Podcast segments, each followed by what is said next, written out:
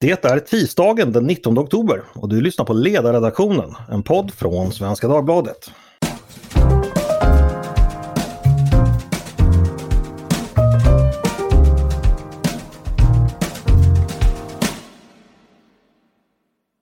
Blåbrunt. Är det vad alternativet till dagens regering ska kallas? Det tycker i alla fall regeringen, senast förmedlat via vice statsminister Per Bolund i partiledardebatten i SVT för någon vecka sedan. Men hur rimligt är det epitetet egentligen? Eh, varför används det? Eh, hur uppfattar olika partier och parter och väljarna detta? Och vilken roll kommer det spela i det valår vi är på väg in i? Jag heter Andreas Eriksson och jag har samlat ett gäng politiskt nyansmedvetna personer för att prata just blåbrunhet och brunhet eh, och vad som är rimligt att säga om detta. De som är med mig är Andreas Johansson Heinö. Han är statsvetare, förlagschef på Timbro förlag. Han har också skrivit väldigt mycket om den förment bruna delen av denna blåbruna färgkombination, nämligen Sverigedemokraterna. Du har skrivit mycket annat också. Välkommen hit Andreas! Tack så mycket! Och Fredrik Johansson som är fristående kolumnist här på ledarsidan. Moderat som bland annat senast var inblandad som huvudsekreterare för kommittén som tagit fram ett förslag på Moderaternas nya idéprogram. Välkommen Fredrik! Tack så mycket! Och min kollega på ledarsidan Paulina Neuding. Välkommen du också. Tack så mycket. Vi ska börja med en väldigt, väldigt enkel fråga. Eh, per Bolund kallad och då oppositionen för de blåbruna. Har han rätt i det? Kort svar och kort motivering från alla. Vi kan börja med Andreas. Ja, i egenskap av politisk motståndare tycker jag han har rätt att göra det. Hade det varit Anders Holmberg som sagt det i, som programledare hade jag reagerat. Paulina, vad säger du? Nej, därför att det är fel i sak och det där är liksom en kategori av anklagelser som man inte slänger ur sig som liksom ett, ett, eh, en hånfullhet i debatten. Det, det där har en, en helt annan tyngd, just den anklagelsen. Fredrik, vad säger du? Ja, han har ju rätt till det, men han har inte rätt i det. Jag skulle ju säga, precis som Paulina, att det här är ett eh, sätt att förgrova den politiska debatten och vilket också visade sig i partiledardebatten, att han står ju själv inte för att Sverigedemokraterna faktiskt är ett brunt parti, om vi nu tar det epitetet på allvar, det vill säga att, att eh, Sverigedemokraterna skulle vara ett nazistiskt parti. Eh, så därför är det inte rätt att använda uttrycket på det sättet. Sen har det ju okay. naturligtvis sina syften. Då tänker jag att vi ska ju till skillnad från, från medlemmar av regeringen vara väldigt nyansnoga här. Eh, och då undrar jag så här, förstår jag rätt som att ni alla köper, så att säga, eller så här, blåbrun Andreas, du köper att det kan vara liksom, så att säga, en legitim smädelse som kan användas. Förstår jag det rätt då? Ja, legitim och legitim. Alltså det, politiska motståndare är ju alltid mer eller mindre osakliga mot varandra. Eh, jag tycker inte att den är lämplig. Nej, okay. Eh, jag blir inte glad av att han säger så, men jag tycker inte att det är skäl att reagera så kraftigt heller. Men som sagt, det hade varit Fredrik Furstenbach som satt i radion och sa att det blåbruna blocket och sådär, då hade jag ju blivit upprörd. Okej. Men Paulina, du lät lite som du var lite skarpare då i din kritik än Andreas. Hur, hur tänker du om du får utveckla lite? Ja, därför att jag, jag, tycker att när man använder sig av relativiseringar kring nazism, eh, då är det inte bara liksom en taskig grej att säga eller liksom att hårdra någonting lite grann, utan det är också att säga någonting om själva, själva nazismen och vad den var. Eh, man, man förringar den och man relativiserar den på ett sätt som jag tycker är eh, helt eh, felaktigt. Mm. Eh, Fredrik, håller du med eller vill du tillägga någonting det, kring det som Andreas och Paulina sa? Nej, men jag håller med. Ja, brunt är entydigt en färg som vi förknippar med nazismen och, eh, och det som sker när man använder uttryck på det här sättet är att det, det förflackas. Så att, eh, mm. jag håller med Paulina i det. Ja, men vi har tidigare hört eh, sägas från Miljöpartiet att Medelhavet vår tids Auschwitz från Åsa Romson. Jag tror att hon till och med sa Auschwitz. Alltså hon, hon gjorde klart att hon visste inte vad hon pratade om. Mm. Eh, och det, just det här att ta, ta upp världshistoriens värsta folkmord där man mördade människor i industriell skala av eh, ideologiska skäl. Man började med att mörda människor i, eh, på mindre, eh, så att säga, som man såg det, effektiva sätt och fann de mest effektiva möjliga sätten att ha ihjäl så många människor som möjligt i industriell skala. Eh, det, det har ändå en särställning i vår historia och det måste få ha det. Mm. Så här då, eh, Sverigedemokraterna då som är ju då den bruna delen här. Eh, I vilken grad har, har de tidigare varit bruna och när upphörde de i så fall att vara bruna? Eh, vad tänker du där Fredrik? Ja, jag tycker att det är, en, eh, det är en svår fråga. Det är klart att partiet har ju det förflutna man har och jag är ingen, eh, absolut ingen expert på det. Eh, men jag tycker att det är uppenbart att partiet inte nu, inte heller sedan det kom in i riksdagen Eh, och jag, jag vet inte var man drar gränsen om de överhuvudtaget tidigare har varit ett nazistiskt parti. Alltså ett väldigt, väldigt starkt eh, starkt uttryck, även om det är klart att det finns personer som har den bakgrunden och att partiets historia är, eh, är, är den den är. Men det är inte ett nazistiskt parti idag och det tycker jag ändå är, alltså, vilket gör att den här diskussionen blir, blir också rätt absurd och det är inte ens Per Bolund eh, vidgår ju att de är det, utan han var tvungen att backa från, från just eh, kärnan i det här påståendet faller och då blir ju uttrycket också eh, problematiskt. Alltså jag håller med om att diskussionen delvis är absurd, men det är ju den diskussionen vi kom, kommer ha nu eh, fram till valet om, eh, om, om jag kan eh, få, få, gissa lite, så jag tror ändå det är värt, värt att liksom försöka bena upp där. Men Fredrik, om jag förstår det rätt, för dig är alltså begreppet brunt det är liktydigt med nazism. Det kan inte användas liksom kring allmänt rasistiska föreställningar i största allmänhet sådär, utan du vill hålla det till just nazismen. Ja, det tycker jag. Man får försöka eh, ha lite stringens hur man använder de här, eh, de här uttrycken.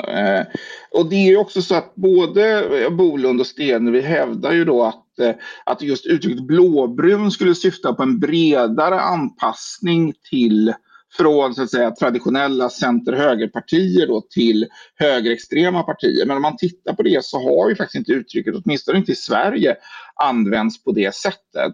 Och det tror jag har att göra med, och framförallt inte används på det sättet av några politiska kommentatorer, utan det är som Andreas säger, det används av eh, politiska motståndare, rätt eller mm. fel. Men, men det, är liksom, det har inte använts på det sättet och det är inte ett vedertaget begrepp för att beskriva, oavsett vad man tycker om en sån, eh, sån anpassning eller ett sånt samarbete.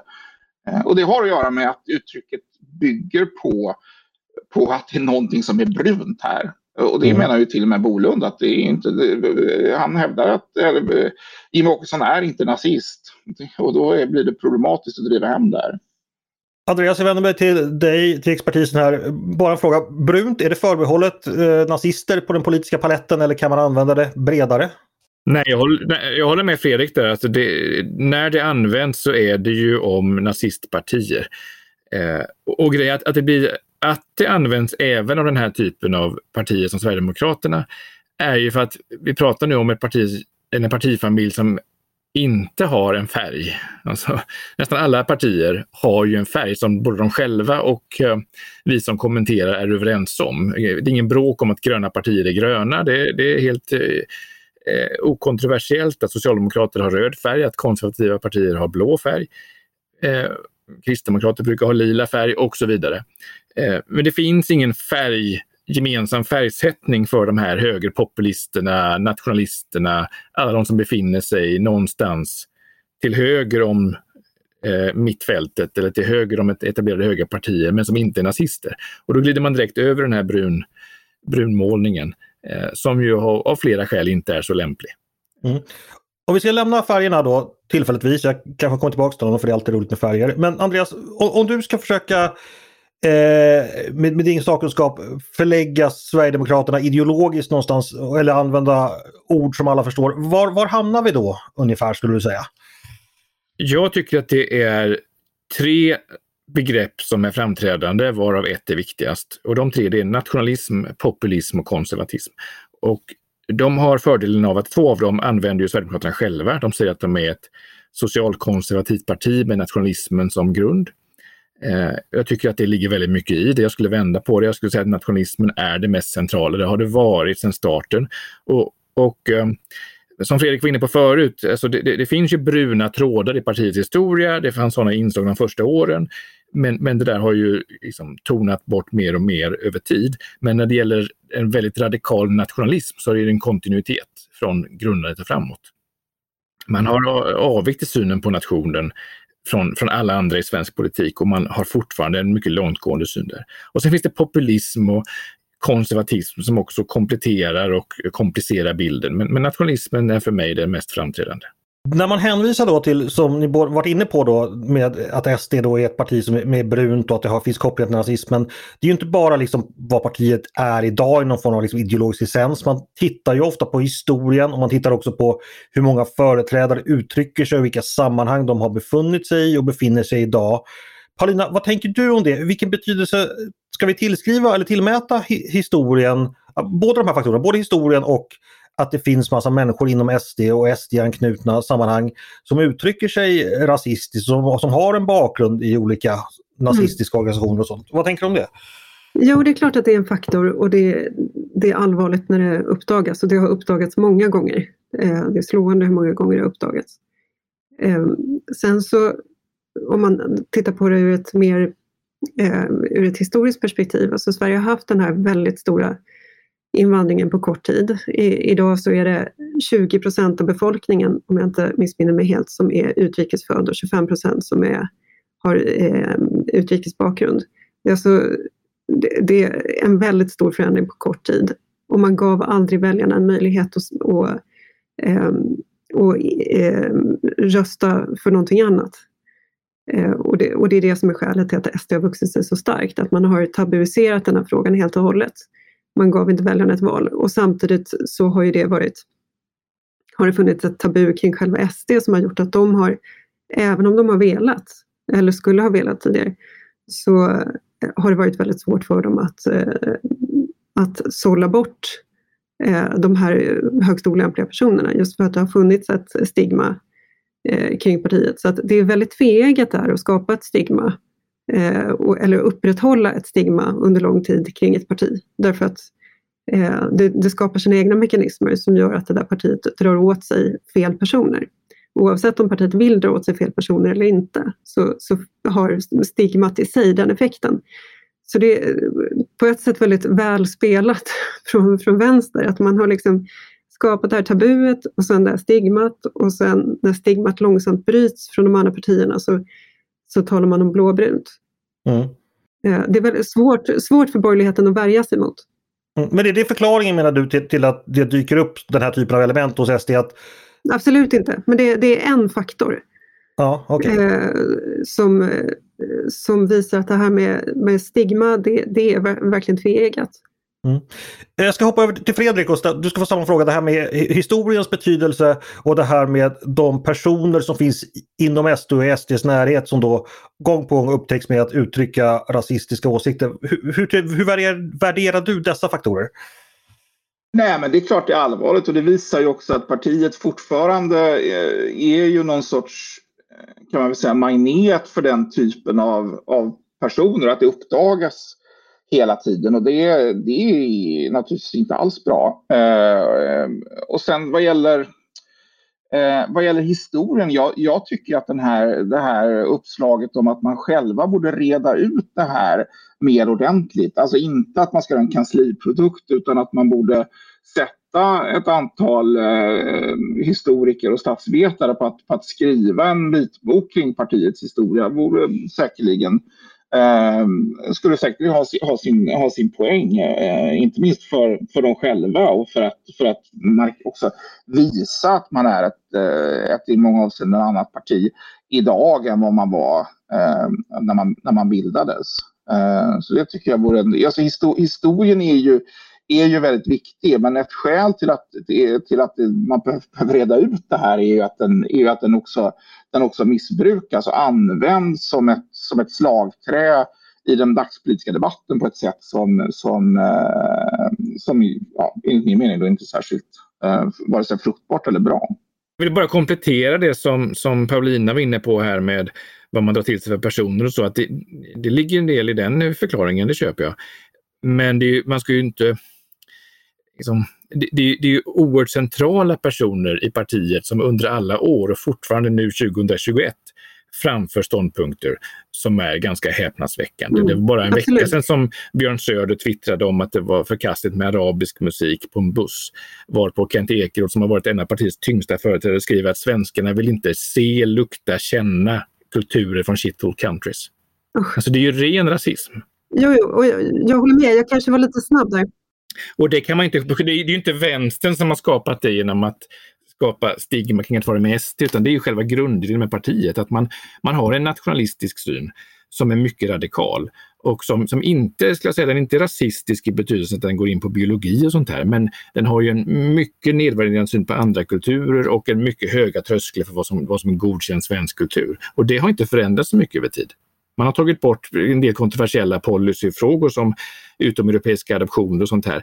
Men, men det, är, det finns ju fortfarande kvar liksom ett, en miljö där man kan prata väldigt illa och tänka väldigt illa om, om en hel del kulturer. Mm. Vad tänker du om det? Nej, men jag, precis, jag vill vara tydligare där att jag pratar om en aspekt men inte mm. eh, det är absolut inte hela förklaringen men en aspekt som jag tror att man sällan tänker på mm. i debatten. Jag tänker så här, vi tillhör hyggligt samma generation. Vi var i alla fall politiskt medvetna allihopa på 90-talet och mycket liksom av dagens politiska historia i det här fallet börjar med, eh, det förekom då eh, Sverigedemokraterna eh, grundades ju strax före 90-talet men det var då de, eh, dagens ledarskap kom med i det. Vi minns vad som skedde i Sverige på 1990-talet, hur den politiska utvecklingen såg ut. Det är ändå rätt tycker jag, häpnadsväckande att en grupp som alltså går med i Sverigedemokraterna, det är bara att gå till läggen och se hur det, hur det partiet omtalades under andra halvan av 1990-talet, är ju fortfarande det ledande skiktet. Sen kan ju de kanske berömmas av att de, de har varit med och förändrat partiet, men det är ju ändå från en miljö som får betraktas som väldigt extrem. Eh, och nu, nu låter det här mer som en allmän reflektion än en fråga, men jag tänkte, om vi vänder mig till dig Fredrik som har varit med och synat politiken länge. Vad tänker du om det tidsperspektivet? Från 90, nej, men det är klart att partiet har ju, eh, har ju förändrats sedan dess. Och det, och det var väl det jag var inne på också, att det här är ju någonting som de själva borde, borde sortera ut på ett, eh, på ett tydligare sätt än så att säga, historiska, historiska kopplingen till, till det här. Eh, men återigen, va, det är ju, om man tittar på hur partiet är, ser ut idag, jag delar Andreas uppfattning att det är ett nationalistiskt parti Eh, Eh, och det gör också att det finns ett utrymme för att uttrycka sig på sätt som, som inte finns i andra partier. Man har en annan, annan bakgrund, man har en annan, annan partikultur. Eh, men, eh, men att därifrån dra slutsatsen att det här skulle vara, eh, ja, som då görs i debatten, att det skulle vara ett brunt parti, det, eh, det eh, håller helt enkelt inte. Och, Eh, så att jag skulle säga, säga, säga, att det är, liksom, det är en intressant... Eh, alltså den historiska utvecklingen här är, är viktig och det är en debatt som man internt själva borde föra och föra på ett öppet, på ett öppet sätt. Mm. Men det, är liksom, det förändrar inte liksom att, att det vi ser nu handlar om helt andra saker. Där handlar det om att, om att eh, försvåra för ett, för ett politiskt maktskifte. Ja, vi ska snart återkomma till det, för det är förstås också relevant. Men jag tänkte bara fråga dig, Fredrik. Andreas säger ju att den här radikala nationalismen som innebär att man eh, ser ner på andra kulturer och man sätter hög, väldigt höga stängsel kring att kvalificera sig för en tänkt svenskhet. Att den har varit ganska eh, fast och konstant under de här eh, 30 åren som har gått. Köper du det eller, eller menar du att det också har förändrats? Jag menar, Andreas kan betydligt mer om Sverigedemokraterna än, än, än, än vad jag gör. Men jag, jag, tror att att säga att partiet är, att det är annat idag än vad det var för 25-30 år sedan tror jag är tämligen, eh, tämligen okontroversiellt. Även om, eh, om att den här så att säga, nationalismen eh, förblir så att säga, ett starkt tema i var partiet, eh, partiet befinner sig. Eh, men det är också det, det är ändå 20 procent av befolkningen som, som kan tänka sig rösta på det, här, på det här partiet och det finns ju en gräns för, eh, för, för så att säga, vad befolkningen kan acceptera även i den här, det här avseendet skulle jag, skulle jag säga. Så, att, eh, så att jag, jag skulle återigen, jag menar, det, det, har, det har skett en förändring av det här partiet, det tror jag är, man ändå måste säga. Mm. Andreas, vill du lägga till någonting där? Nej, men jag håller med att partiet har förändrats och den stora faktorn är att det har fyllts på med nya människor eh, och fler människor. Eh, utan den kontinuitet jag pekar på det är ju liksom vissa delar i samhällsanalysen eh, som ändå har varit i själva i, i, grundidén för partiet finns. Eh. Okej, hörni, vi ska gå vidare lite för att eh, som Fredrik påminner oss om så finns det ju en politisk verklighet idag. Eh, för mig med mina eh, ringa kunskaper om politik så, så, gissar jag ändå att det här att anklaga oppositionen för att vara, ha en bristande demokratisk legitimitet och så vidare ändå blir en ganska viktig del i valrörelsen. Jag skulle till och med våga säga så att socialdemokratin under ganska lång tid har tagit sikte på att det här är så att säga deras endgame eh, som man under ganska lång tid har, har, har tänkt sig. Eh, och nu är vi framme då där eh, de anständiga står mot de oanständiga och det här att prata om blåbrunt är en del av det. Eh, Paulina, tror du också som jag att det är så det ser ut rent politiskt idag? Jag är helt säker på att det ser ut så politiskt och samtidigt så har vi en situation där vi har fått eh, på bara några år fått en väldigt stor ökning av våldsbejakande extremister.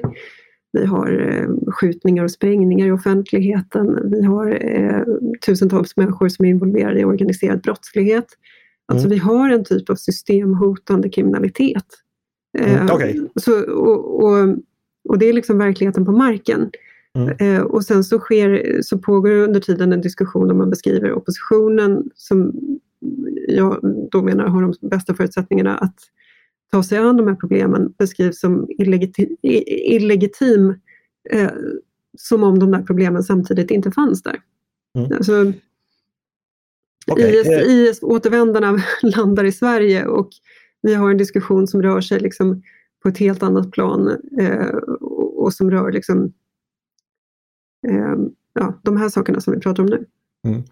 Eh, Andreas, vad säger du? Vilken roll spelar den här typen av anklagelser i det politiska klimatet idag? Och Eh, köper du min beskrivning av hur, hur det politiska läget ser ut? Ja, jag tror, ni, tror du har rätt i den beskrivningen. Jag tror att vi kommer få leva med detta. Jag tror att det, kom, det kan slå tillbaka om man fortsätter för mycket med det här brunkortet, för det kommer man se igenom och uppfatta som ett rent spel. Däremot finns det ju i grunden en problematik med att Sverigedemokraterna så snabbt har gått från paria till regeringsunderlag. Och Moderaterna har inte motiverat det tillräckligt väl än. Det är ju en belastning. Det märker man ju att man i, från Moderaterna själva tycker att behöva släppa med sig SD i, i in till väljarna och säga att det här är, det här är, det är vi som ska bilda regering med stöd av de här.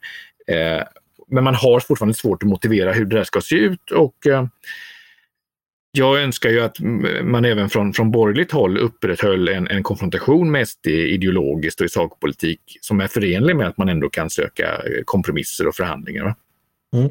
Så det, det, finns en grundläggande problematik här, men, men, risken är ju att som sagt, med för mycket brunsmetande så, så slarvar man bort det helt. Det finns mycket saker att säga här. Eh, om vi ändå hade en huvudsekreterare i kommittén som har skrivit Moderaternas program här, vilket vi lyckligtvis har. Eh, Fredrik, eh, vi kan börja med den här omsvängningen som Moderaterna har gjort, att den har gått väldigt fort och är svår att motivera. Vad säger du om det?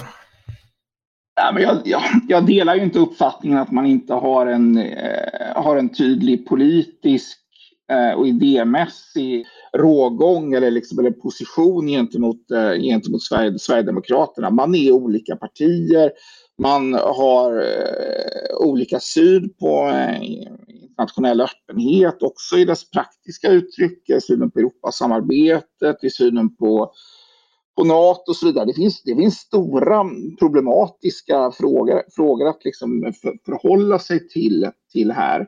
Um, så att det är, jag, jag, delar, jag tycker inte att det är, är, är riktigt, riktigt, uh, riktigt rättvist. Och I grund och botten så handlar ju, alltså sådana här samarbeten handlar ju om, om, uh, om vad man kan åstadkomma politiskt och fallback där måste vara de egna värderingarna, de egna uppfattningarna. Och det är det som gör, det gör den här diskussionen så absurd. För att ifrågasättandet av oppositionens demokratiska legitimitet handlar om att Eh, att eh, eh, inte bara Moderaterna utan även Kristdemokraterna och Liberalerna skulle överge politiska värderingar och grundläggande positioner som man har haft i Eh, i decennier eller kanske upp, eh, i ett sekel. Alltså att, att eh, man har Märta Stenevi säger att Liberalerna kastat sina värderingar över bord för att samarbeta med en, ett parti med, med, med, eh, med rötterna i vit maktrörelsen. Det är, det är, det är ju liksom en, en sån överdrift i den här diskussionen att det, liksom, att det faller på sin egen, liksom, sin egen orimlighet. Alltså, Absolut. Liberalerna, men Fredrik, du skulle inte bemöta Marta Stenevi nu utan bemöta Andreas Johansson Heine. Eh, ingen är på Marta Stenevis sida. Kan du inte se någonting, den här ändå snabba förändringen som har skett? Det räcker ju bara att jämföra med hur eh, förrförra partiledare Fredrik Reinfeldt talade om Sverigedemokraterna. Det har ändå skett en del i Moderaternas syn på SD. Det får man väl ändå säga? Ja, det har skett, det har skett en del. Det har att göra med det parlamentariska läget. Det har att göra med, med förändringar i centrala eh, sakpolitiska frågor. För det är ändå så, i, sl, i slutändan så är det sakpolitiken här som, som, som spelar roll. Alltså, samtliga partier har, har, har lagt om sin, i princip samtliga partier har lagt om sin migrationspolitik eh, och har närmat sig den position som Sverigedemokraterna hade eh, eh för, för ett tio, tiotal år sedan. Om man läser, liksom, när Fredrik Reinfeldt höll sitt öppna öppna era hjärtantal 2014 så var ju huvudkritiken från vänster var ju att han, att han, att han fiskade grumliga vatten för att han antydde att det kunde finnas en kostnad med flyktingmottagande. Så det har ju skett en, en, en, en förändring och den förändringen pågår ju, pågår ju även nu. Eh, alltså det, det, SSU och säger att vi behöver prata med Sverigedemokraterna för att kunna se vad vi kan komma överens om i pensionsfrågan. Alltså det är ju precis den position som, det är, det är att gå längre än den position som Anna Kinberg Batra blev kölhalad för för snart fyra år sedan. Mm, så, så är det. är klart att det har skett en förändring, det har skett en förändring i, i hela det politiska landskapet. Eh, och det, det, finns en insikt om att man kan inte kortsluta Eh, det parlamentariska systemet för att, för att eh, blockera eh, den den politiska vilja som finns där. Utan det behöver, man behöver samtala med alla, man behöver ska få igenom sin politik så, i så hög utsträckning som möjligt. Och den insikten är, finns, är ju det som avgör detta. Den insikten fanns inte 2014 när man slöt decemberöverenskommelsen. Um, utan det har ju varit en, det har ju varit en, en, en gradvis, en gradvis förflyttning. Jag hoppar över till Andreas tror jag. Fredrik talar här om att man anpassar sig till parlamentariska realiteter som man kanske inte riktigt hade gjort tidigare. Vad, vad, vad tänker du om det? Nej men så är det ju och det är bra. Alltså, det, det, var ju inte en dag för sent eh, eller för tidigt eh, eh, som det skiftet skedde och jag håller med om allt som Fredrik säger. Utan min kritik gäller väl att utöver det, utöver att man börjar samarbeta och samtala och förhandla och utöver att man försöker fokusera på sakpolitik så behövs det också en idépolitisk konflikt. För att väljare röstar inte bara på eh, policyförslag eller vallöften. Vi vet att det kan skifta väldigt mycket mellan, eh, eh under en mandatperiod i positioner. Migrationspolitiken var det ingen som gick till val på att lägga om och det, det skedde ändå. Det spelar roll vad partier har för värderingar och långsiktiga visioner. Och där är Moderaterna och Sverigedemokraterna helt olika partier med helt olika ingångar. Man kan läsa det här idéprogrammet som, som Moderaterna har nu som jag tycker i grunden är väldigt, väldigt bra. Det är väldigt optimistiskt och eh, dramatiskt annorlunda än Sverigedemokraternas motsvarande skrifter.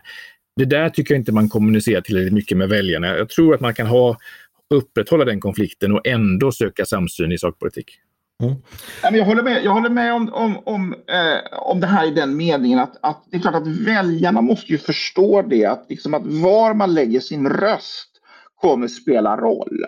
Alltså det är klart att de partier, eh, och det gäller inte bara Moderaterna utan även Liberalerna och Kristdemokraterna, som har en annan syn i, de här frågorna kommer ju att, kommer ju att eh, stå fast vid den synen och förutsättningarna för att få genomslag handlar naturligtvis eh, om i vilken utsträckning man får, liksom, får, får, får, får stöd från väljarna. Så det håller jag absolut med om och om, om det kan göras tydligare så varför inte. Hörrni, ni har båda varit, eller flera av er har varit inne lite på det här. Paulina pratar om de reella problem som finns i Sverige idag. Vi prat, Fredrik nämner vad väljarna, att de måste lägga sin röst på det samhälle de vill ha. Jag kan ibland känna inför den här diskussionen, jag kände det in, när vi gick in i den här podden också så här att Andreas, vad håller du på med? Ska du verkligen ta upp det här jävla löjlet igen? Ni, jag tror ni förstår. För att det här med vem som är blåbrun och vad språkrådet har sagt 2014 och allt så här det, det, kan ju få ett lite löjets skimmer över sig. Jag säger inte att det inte är viktigt att kunna definiera antidemokratiska krafter, men på något sätt så kan jag ibland, vi har hållit på med det här i 15 år och kastat pajer på varandra. Finns det, någon, finns det liksom en risk att väljarna helt enkelt liksom ruttnar på politiker och tyckare som ägnar sig åt det här när vi egentligen borde prata helt andra saker? Vad tänker ni om det? Ja, men alltså det finns ju risk att man uppfattar allting som ett spel i ett eh, kotteri som sen står och, i riksdagen och eh, om ni minns avtackningen av Stefan Löfven. Eh, När han fick korv? Ja, där alla liksom ändå var kompisar. Och jag mm. menar, om jag eh, hade att göra med en människa som jag på allvar trodde var brun, då skulle jag inte stå där och vara trevlig. Eh, och så känner nog de flesta. Så att man, eh, allting framstår som något slags spel för gallerierna, någonting som inte är på riktigt utan bara någonting man håller på med därför att ja, men det är en del av spelet. Mm. Ja, det låter som du delar min känsla lite där. Ja, men det är ju demokratiskt verkligen problematiskt. Andreas, vad säger du? Nej, jag håller med. Eh, jag tycker att det som är allvarligast, det är det som Fredrik var inne på, när, när man ifrågasätter demokratisk legitimitet, eh, när man eh, implicit eller explicit, som ju görs gång på gång. Då måste man ju ryta ifrån på allvar och det är man ju tvungen att markera mot. Eh, sen de här epiteten, att jag inte tar det så hårt som i inledningen här, om man får säga blåbrun eller inte. Jag tror att det är oundvikligt att det är så lockande att slänga ut sig det där. Men möjligen det, kan det slå tillbaka så att, så att användningen minskar. Och det kan absolut bli som Paulina säger, att att eh, spelet tar över och då tappar man i, i förtroende. Det måste ju kombineras med ett innehåll också. Alltså, på vilket sätt är vårt alternativ bättre? Eh, eh, Eh, men, men, samtidigt, man kan inte, det är inte en liten sak att ett parti som SD så snabbt har gått från paria till, till regeringsunderlag. Självklart så kommer det vara en fråga i valrörelsen. Det var en ganska stor poäng från Alliansen 2010 när Lars Ohly skulle vara med i regeringsunderlaget. Eh, och det var en fullständigt legitim ifrågasättande då också vad det innebar att släppa in Vänsterpartiet i en eventuell regering. Fredrik? Ja, men det håller jag ju med om. Alltså hur, man, hur regeringsunderlaget formas eh, på, båda sidor här är ju naturligtvis en alldeles eh, superviktig fråga för, för väljarna i, i, i valrörelsen nästa år. Eh, om det här är löjl eller inte. Alltså, jag, jag tror att många väljare eh, inte riktigt bryr sig om det här utan de, eh, de röstar ändå som de röstar och liksom sympatiserar ändå som de sympatiserar. Jag menar, det är ändå en, eh, återigen, man, man ska inte ta massan som ett tecken på sanning, men om 20 procent ändå stödjer ett parti som då utmålas som brunt så är det nog inte helt säkert att de tar det epitetet på, på fullt allvar eftersom 20 procent av den svenska befolkningen inte är nazianstruken. Men eh, det, finns, det finns någonting här som jag tror är, är, är, det, är, som är det centrala. Det är ju det polariserande. För att det här betyder någonting för en grupp väljare. För en grupp väljare är detta väldigt viktigt. Eh, och eh, för dem så är den här, kommer, kommer det här leda till, till polarisering, till mobilisering och polarisering. Och jag tror att den socialdemokratiska slutsatsen från valrörelsen 2018 var att när man drog på det här spåret eh, i sluttampen på valrörelsen så hade det effekt. Det hade en eh, demobiliserande effekt på den borgerliga sidan och man fick över rakt in till Socialdemokraterna ett antal borgerliga väljare som då tycker att detta är en väldigt, väldigt viktig, viktig fråga. Så att det finns ju en, det, det, det är klart att då, då blir det ju en, en väldigt tydlig partitaktisk fråga. Jag kan också se, jag, jag tänkte ibland så här, det är ju så intressant att just Centern och Liberalerna, två ganska närstående partier, då hamnar på varsin sida om ond och god-skalan här. Och dessutom så finns det ju, som Fredrik anmärkte här med att eh, det finns ju faktiskt de som har insett att det finns sakpolitisk samsyn mellan Sverigedemokraterna och Socialdemokraterna i vissa frågor. Vad, vad, vad, vad innebär det när man har liksom... Det är det jag menar med att det blir löjl men det finns också någonting lite potentiellt knäppt här på, på något sätt som kan skada demokratin. Jag vet inte om ni håller med mig eller inte, men, men vad tänker ni om någon vill plocka upp det? Jag tror att alltså den, den svenska eh, demokratin är ju ändå tämligen, eh, är ju rätt robust får man ju säga. Så att jag tror att eh, det, det, det här vi ser är inte bra. Och jag håller med Andreas om att det kanske det grövsta är när, när regeringsföreträdare så uttryckligen ifrågasätter oppositionens demokratiska legitimitet. Det är väldigt ovanligt i, eh, i en västerländsk demokrati att man gör på det sätt som, som, som till och med statsministern vid flera tillfällen eh, har, har, gjort. Och det är inte bra för, för demokratin och inte minst när det också alldeles uppenbart är på låtsas. För eh, när, det har inte så mycket att göra med vilka presenter han tar emot när han avgår. Men det är ingen som på allvar tror att Stefan Löfven innerst inne tror att Nyamko Sabuni utgör ett hot mot den eh, liberala demokratin i Sverige. Det är ju ingen som tror på det han säger. Och det är liksom när, när, folk säger saker som de själva uppenbart inte tror på, då blir, det liksom, då blir allting mindre trovärdigt och autentiskt. Och det är ju inte bra för det demokratiska samtalet. Men hot mot demokratin är, det är väldigt starka ord tycker jag.